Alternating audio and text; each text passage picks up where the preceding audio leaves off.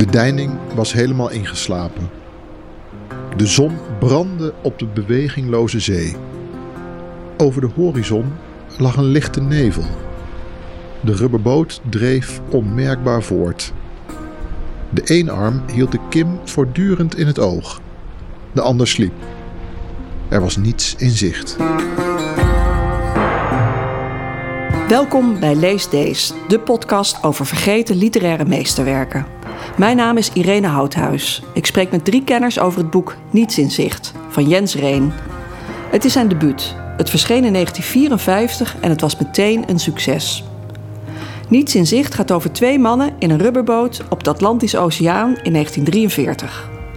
Hun proviant bestaat uit 64 sigaretten, een halve fles whisky, wat chocola en een paar kauwgompjes. Hun proviant slinkt snel.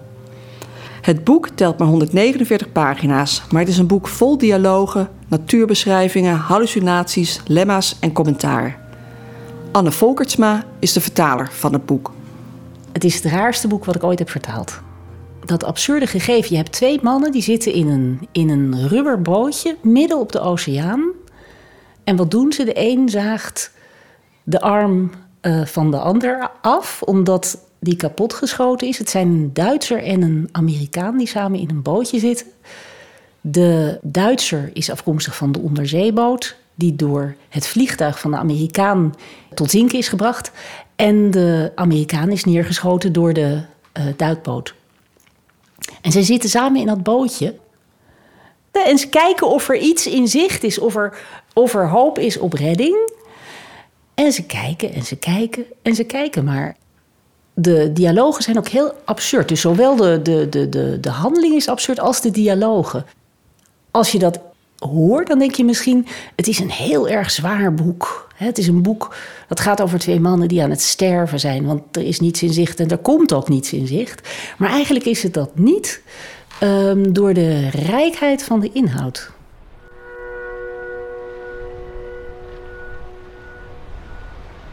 Monika Hilt, u bent boekverkoper bij Gimmink, een boekwinkel in Amsterdam die bekend staat omdat daar echt overal in de zaak boeken liggen. Waarom vindt u niets in zicht zo'n mooi boek? Eigenlijk moet je je ogen dicht doen en het laten voorlezen, want je ruikt vormelijk de sigarettenlucht, eh, de zon die op je kop brandt en denkt van, goh, hoe kom ik hier uit? Kom ik er nog wel uit? En je wilt dus met z'n tweeën, oh, ik krijg nog helemaal wat kippenvel. Zo grappig, zo van, je hoopt natuurlijk dat je met z'n tweeën overleeft. Maar ja, de een die gaat halverwege, ja, ligt hij daar en die ademt niet meer. En dan stel ik me dus voor, god, ik ben die ander. En ik had precies hetzelfde gedaan. Maar je wilt niet meer met die andere, want je wordt zo geconfronteerd met je eigen dood eigenlijk, dat je denkt van nou, dus die doet hem eigenlijk, schopt hem uit de rubberboot. Maar dan heeft hij ook direct de spijt. Want hij is nou helemaal alleen. En het is één Duits en de ander Amerikaans. Dus eigenlijk zijn ze ook nog heel erg vijanden van elkaar. Maar ik denk ja, dat de situatie je toch ook wel brengt in van nou, ja, een beetje ben ik mijn broeders hoeder.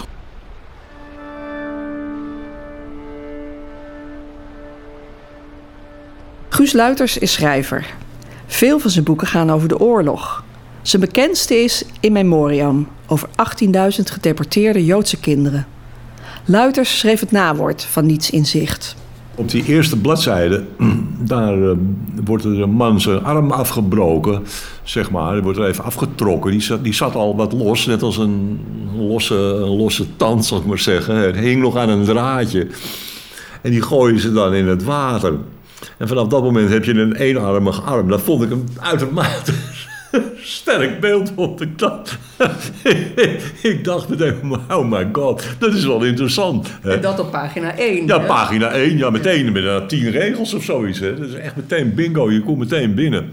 En ik had ook meteen het gevoel dat ik in een soort Beckett-toestand uh, uh, terecht kwam. een toneelstuk of een vroege roman van, uh, van Beckett. En dat, dat gesprek van die mannen, dat, dat, uh, dat, boeide me, dat boeide me wel. Ik, dacht, ik was ook wel geïnteresseerd van waar, waar zal dit over gaan. Er zitten dus twee mannen op zee.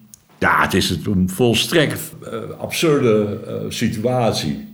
Ten eerste waren er natuurlijk geen overlevenden van gezonken U-boten en bombardementsvliegtuigen die naar beneden kwamen. Daar had je ook bijzonder weinig kans om dat uh, te overleven. Maar dat je dan ook nog een Amerikaanse bombardementspiloot en een, een Duitse uh, U-bootman in één bootje. Nou, ja, het is volslagen krankzinnig. Jens Reen is een onbekende schrijver in Nederland. Vertaler Anne Volkertsma heeft zich flink in Reen als persoon verdiept. Hij is uh, geboren in uh, 1918 en hij had een uh, opleiding gevolgd tot muzikoloog, maar is toen hij werd opgeroepen in het leger gegaan en hij is toen onderzeebootkapitein geworden. En zelf ook uh, tot, is zijn onderzeeboot tot zinken gebracht in 1943. Wanneer hij lange tijd in gevangenschap verkeerde van de Engelsen. En ook in gevangenschap op allerlei plekken heeft vertoefd. En in 1947 kwam hij weer vrij.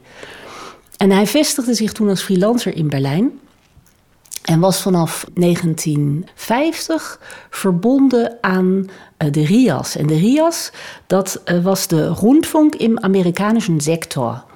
En die uh, radiozenders in het naoorlogse Duitsland hadden een hele belangrijke functie. Je moet je voorstellen dat de hele cultuur besmet was door het nationaal socialisme. En de geallieerden die hadden zich eh, gezamenlijk tot doel gesteld om de cultuur weer te, mm, ja, te, zuiveren, om een nieuw alternatief te bieden.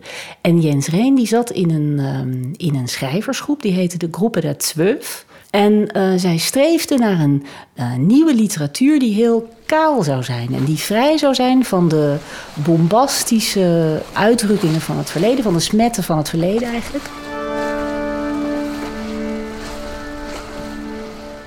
Niets in zicht wordt een oorlogsboek genoemd. Dat is opmerkelijk omdat het verhaal weliswaar in 1943 speelt, maar een oorlogshandeling er niet in voorkomt. Schrijver Guus Luiters. Het is een genre, de, boeken over de oorlog waarin de oorlog zelf geen, uh, geen rol speelt. En toch is het, toch is het wel een gevaarlijk uh, genre. Uh, filosoferen over de, over de oorlog zonder de oorlog te benoemen leidt al gauw tot, uh, tot een soort van, uh, van ontkennen en uh, wegduwen van wat er nou eigenlijk gebeurd is. Vindt u dat dat in dit boek? Nou ja, dat vind ik wel, ja. Op wat voor ja, manier? Ja, ja, ja. Nou ja, die U-boten en die bemanningen van die U-boten, dat zijn de SS'ers van de zee. Ja? De SS op het land heeft een niet geringe reputatie en hebben ze ook uh, keihard verdiend. En dan heb je dus op zee had je dus die U-boten. Die trokken erop uit om vrachtschepen te torpederen. Dat is wat ze deden. En dan hup, daar waren er weer... Uh, hoeveel mensen waren er dan, uh, gingen er dan te water? En die, die gingen allemaal dood. En als, je, en ze je te pakken kregen, dan schoten ze een kogel door je kop. Hè? Dat waren de SS'ers van de, van de zee. Toch is dat boten... het wat? gevoel wat ik heb bij de, nee, uh, bij maar, de ander. Ja, maar er wordt, iets, er wordt dus iets... Kijk, die man die daar op dat bootje zit... die zat dus op, een, op zo'n SS-boot. En die Reen, de schrijver, dat was, een, dat was zelf een kapitein van, een, van zo'n SS-boot. En, die, en, en daar werd je niet zomaar kapitein van.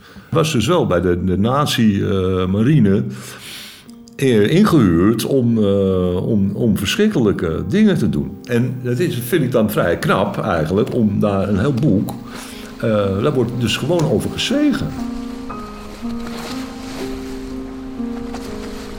Het is toch gek, zei de eenarm, als je weet dat het gauw voorbij is. Jij hebt tenminste nog een kans. Niet dat ik het je kwalijk neem natuurlijk. Ach, een paar dagen maar. De ander zocht op de tast naar de sigaretten. Jij beseft iets altijd pas als je geen tijd meer hebt. Maar ik ben niet bang. Echt niet. Niets in zicht is een literaire vertelling die zo nu en dan wordt onderbroken door een feitelijke beschrijving. Het zijn lemma's over de huid, hoop, God en hallucinaties. Anne Volkertsma. hij schrijft literatuur, maar elke keer gaat hij weer terug naar de feiten. Dus elke keer als het gevoel te groot dreigt te worden, of als de natuurbeschrijving, er zit een prachtige natuurbeschrijving in het boek, als die te groot, te rijk worden, dan hop, springt hij terug naar een lemma over dorst. Maar ook bijvoorbeeld over Houston, Texas, omdat daar de geliefde woont van een van de twee. En de raarste dingen komen in dilemma's voorbij. En elke keer haal je je als lezer, flop, helemaal uit het verhaal. En dat heeft een heel gek effect. Nou, deze is heel gek, dat is die van Houston. En dan begint het met Houston ligt in de Noord-Amerikaanse staat Texas... aan de bevaarbare rivier de Buffalo Bayou. En dan komen er allerlei, allerlei aardrijkskundige details. Dan um, volgt er zoiets als de aardrijkskundeles op school. Houston is een belangrijk spoorwegknooppunt en een centrum van zowel de katoenhandel als de olieindustrie. De stad is ruim en modern aangelegd. Het klimaat zeer heet en droog. Nou, gaap, gaap, denk je. En dan zonder alinea gaat het verder met Mr. Benton was de eigenaar van een aantal garages en een vermogend man. Hij was weduwnaar en dronk veel. En dan gaat het opeens verder over die Mr. Benton. Dus eh, die overgang in de tekst zijn heel gek. Ja. Waarom zal, dat, zal hij dat hebben gedaan? Hij trekt de lezer bewust uit de tekst om te zorgen dat hij niet helemaal in vervoering raakt. Uh, misschien wel omdat hij zo uh, beducht is geraakt door die ideologische vervoering uit het verleden, dat hij wel een heel meeslepend boek wil schrijven, maar dat hij niet wil dat de lezer zodanig in vervoering raakt dat hij helemaal wordt getransporteerd door de tekst. Ik denk dat zoiets erachter zit. Het boek is in de jaren 50 enthousiast ontvangen. Het wordt het eerste Duitse existentialistische boek genoemd. Een aanklacht tegen de oorlog. Guus Luiters. Het gaat over uh, de vragen, grote vragen uh, van het leven. Uh, leven en dood, bestaat, bestaat God, bestaat God niet, waartoe zijn wij op aarde en dat soort dingen. En dat is dus in de existentiële filosofie is dat altijd een heel zwak punt geweest. Het heeft iets van een, het heeft iets van een cover-up. Zodra je zegt van ja, zodra je niet zegt er werden per dag uh, 50.000 Joden doodgeschoten. Maar je zegt wel, er zijn grote vragen uh, in dit leven. Dan doe je iets waarvan ik denk dat je het bewust doet. En waarom zou die dat hebben gedaan? Nou, de, de schuldvraag uh, is heel groot. En de schuldvraag wordt door, de, door, de, door de daders altijd klein gemaakt en, wordt weggeduwd. Er zijn duizenden manieren om, om schuld uh, en, uh, en te verhullen. En de existentiële uh, benadering is, is daar één van. En dat heb ik, ik heb het ook in dat nawoord opgeschreven. Vind ik ook heel dapper van mijn uitgever dat ze dat erin gelaten hebben. Want het is natuurlijk niet zo aardig om dat te zeggen over een boek. Maar het is wel zo, naar mijn, naar mijn idee dan.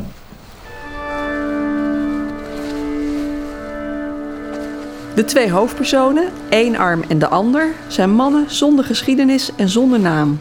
En toch komen ze levensecht over. Ze heten in Duits, heet, heet de ene die heet De Einarmige. En daar heb ik dus de eenarm van gemaakt, omdat het bijna, bijna een soort cartoons ook zijn. Ja, dat is misschien een beetje respectloos, maar ik dacht het moet zo pregnant en zo kort mogelijk. En dan moet je niet zoiets hebben van de eenarmige en de andere. Want als je het gaat zitten turven, ik weet het nu niet meer uit mijn hoofd, omdat ik het een tijdje geleden heb afgerond het boek, maar dan is de frequentie van die woorden wel zo ongelooflijk, dan zou het hem niet werken. En je moet natuurlijk toch altijd kijken naar wat, wat werkt in het boek. En het gaat in het boek heel erg om die absurde pregnantie, zeg maar boekverkoper Monica Hild. Het is serieus, maar ik moest soms ook hardop lachen. En dat maakt het ook wel weer van, oh ja, want ja, zo, je denkt zo is het leven ook een beetje. Als je niet kunt huilen, weet je ook niet wat lachen. Ja, dan ben ik heel filosofisch, maar dan weet je ook niet wat lachen is en huilen. En dat maak je ook wel weer, uh, ja, sterk of zo. En zegt van nou, we gaan gewoon lekker door. En ik denk dat, dat, hij, dat hij dat ook had. En het erge, stel ik me dan voor, dan zit je op zo'n bootje en je ziet zoveel water, maar je kunt niks drinken. Helemaal niets mag je pakken, want dat is natuurlijk mega zout. En eh, pakken, dan ben je... Dat vond ik ook wel eh, heel eh, ontroerend ook wel aan je kant. Want je weet, die redden het allebei niet. En toch lees je door en denk ik heb hoop, misschien, misschien lukt het. Maar ja, dat laten we even in het midden. Dit boek uit 1954 was een groot succes in Duitsland. Het is in het Fins, Italiaans, Frans en Engels vertaald. Pas nu is er een Nederlandse vertaling. Anne Volkertsma. Wat opvallend is, is dat er heel verschillende soorten passages in het boek zitten. Aan de ene kant is een deel van het boek is heel strak geformuleerd. De beschrijving van hoe die mannen samen in de boot zitten en de dialogen. Heel veel is heel bondig en strak. Maar er zitten ook hele uitbundige beschrijvingen in. En wat eigenlijk opvalt aan is de enorme zintuigelijkheid. Ze hebben natuurlijk verschrikkelijk eh, eh, honger eh, en dorst. En op een gegeven moment denkt de een aan een keer dat hij een scholletje bestelde in de haven. Dat vind ik zo'n weergeloos mooie beschrijving. Luister maar. Terwijl hij het ivoren vlees van de graten schoof, keek hij naar zijn bord. Wat zag het er prachtig uit. Het romige, verzadigde geel van de aardappelsalade. Met het volslagen andere, zuidelijke geel van de citroenschil. Het malse groen van de peterselie die hem schaamteloos stralend toelachte. Met haar aromatische tuinkrullenpracht. Het roestbruin rood en olijfgroen van het vissenvel met de regelmatige rode spikkels. De randjes lekker knapperig gebakken in het pannenbruin. Hoe zijdezacht en soepel lag daar onder het visvlees. Vochtig glanzend, rul en toch vast. Mooi van structuur, dat smaakte lekker. Hemeltje lief, het smolt op je tong. Ja, ik vind dat zo mooi, want je, je proeft het en je ziet het. En er zitten hele rare woorden in die beschrijving. Ehm, Wat, wat is het Duitse woord voor tuin? Tuinkrullenpracht. Ja, dan moet ik nu gaan bladeren hoor. Dat weet ik niet uit mijn hoofd. nee, echt niet. Maakt wel nieuwsgierig. Ja, dan zal ik nu net iets vreselijks gedaan hebben op die plek. Ja, is dat de angst van de vertaler? Als terugbladert. Ik denk niet dat ik iets vreselijks heb gedaan, maar ehm, ik weet wel dat ik heel lang heb zitten zoeken naar de juiste formuleringen. Het Duits, dat wordt natuurlijk gekenmerkt door hele eh, prachtige eh, samenstellingen. En ze hebben een hele grote vrijheid in het maken van samenstellingen. En die kan je vaak in het Nederlands helemaal niet maken. Dus voordat ik zoiets opschrijf als tuinkrullenpracht, moet ik wel echt, eh, daar moet ik een nachtje over slapen. In het Duits is de passage als volgt. Das saftige Grün der Petersilie leuchtete unverschämt und lachte mit seinem gekräuselten Gartenduft.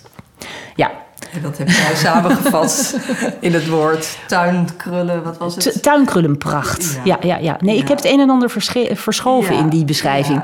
En dat moet je soms doen. Ehm, soms moet je eh, schuiven eh, met woordsoorten. En eh, je moet soms ook schuiven met, met de plek van, van elementen van een beschrijving, met de volgorde.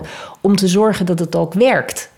Ehm, want bij het ehm, vertalen gaat het er niet alleen om dat het er staat. Hè, dat er staat in het Nederlands wat er staat in het Duits. Maar het gaat er vooral om dat, eh, dat de tekst ook dezelfde uitwerking heeft op de lezer als de oorspronkelijke tekst. En dat is er bij beide passages eentje van, van complete eh, verrassing. En ook dat je, je, je proeft gewoon de school en je ziet het en je ruikt het. En eh, ja, dat kan heel goed.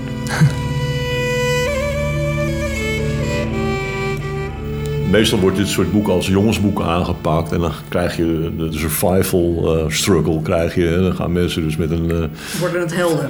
nou ja, dan gaan ze van hun veter een, eh, een lijn maken. En van een tand bevouwen ze een haak. En dan vangen ze een walvis en zo. En, en- en- maar ze weten niet hoe ze hem openen. Nou ja, goed, je, weet al hoe dat gaat. Maar dat gebeurt hier niet. Dat vond ik wel ook een, een pluspunt van het, van het boek.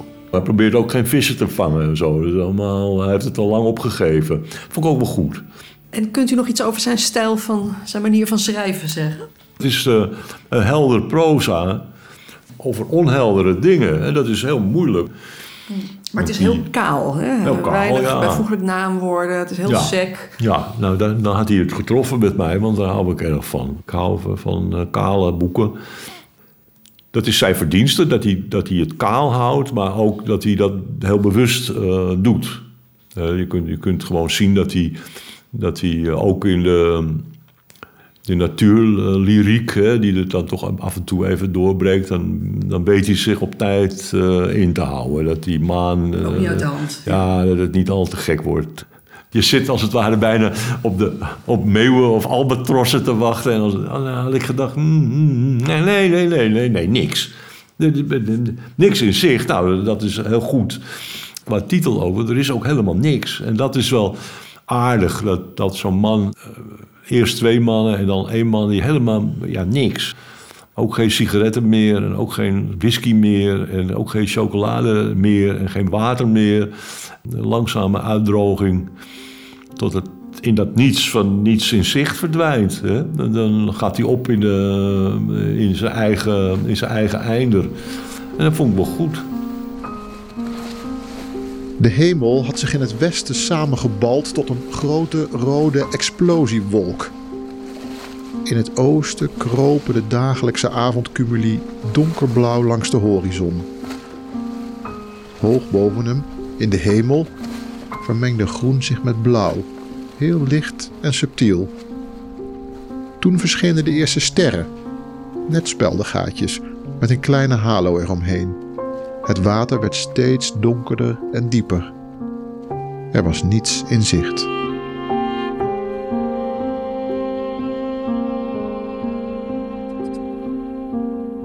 Jens Reen heeft na dit debuut nog tien boeken geschreven. Maar geen daarvan evenaarde het niveau van Niets in Zicht. Het gebruik van herhalingen is volgens vertaler Anne Volkertsma typerend voor Jens Reen. Hij gebruikt heel veel dezelfde woorden die telkens eh, terugkomen. En zelfs zinnetjes die met kleine variaties de hele tijd terugkomen. En ehm, juist die herhaling zorgt ervoor dat die indrukken van, van, van die plek zo, zo duidelijk worden. Hè? Want het is de hele tijd de zon gaat op en de zon gaat onder en de wolken trekken voorbij. En, en elke keer worden diezelfde motieven weer opgepakt en dat zit ook in de taal. Dus je moet donders goed uitkijken dat je niet op de ene plek dan een andere vertaling kiest voor een bepaald woord dan, dan op de andere. Daar zit ik ook heel erg op te puzzelen en te controleren. bij, eh. Daar houd ik lijstjes van bij. Ja. Ja. Ja, Ik, ik werk ook veel met boeken, maar in een bepaald stadium van de tekst ga ik dan ook echt door de PDF en dan turf ik allerlei woordjes. En denk dan, oh, heb ik ze wel, heb ik ze wel evenveel? Want dat is bij een, een boek wat het zozeer moet hebben, ook van die, van die, van die herhaling, is dat heel erg eh, belangrijk.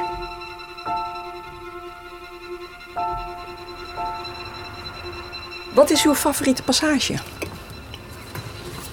Even zoeken. Pak het boek erbij. Ja. Oh ja. Ehm, ik denk dat is pagina 97. Dan is hij alleen. De eenarmige is al overleden. Ja. En hij praat dus in, in zichzelf. Eh, het was zo fijn dat hij zich niet wilde roeren. Het gonste, zoemde in zijn oren. Er denkt iemand aan me, hadden ze dan als kind altijd gezegd. En straks komt er iemand en die zegt: Opstaan, opstaan. Ja, maar ik ben zo moe. Hij zucht diep. Waar heb je nou zoveel gedronken? probeerde hij zich te herinneren. Waar was hij toen geweest? Hij pijnigde zijn hersens, maar het schoot hem niet te binnen. Dus hij is eigenlijk een beetje aan het hallucineren nu.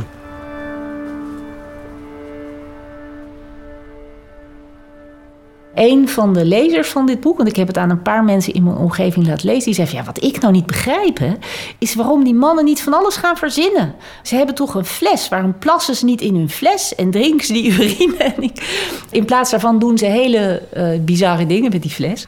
Ik kan me ook voorstellen dat je in zo'n situatie dat je helemaal niet meer zo praktisch bent.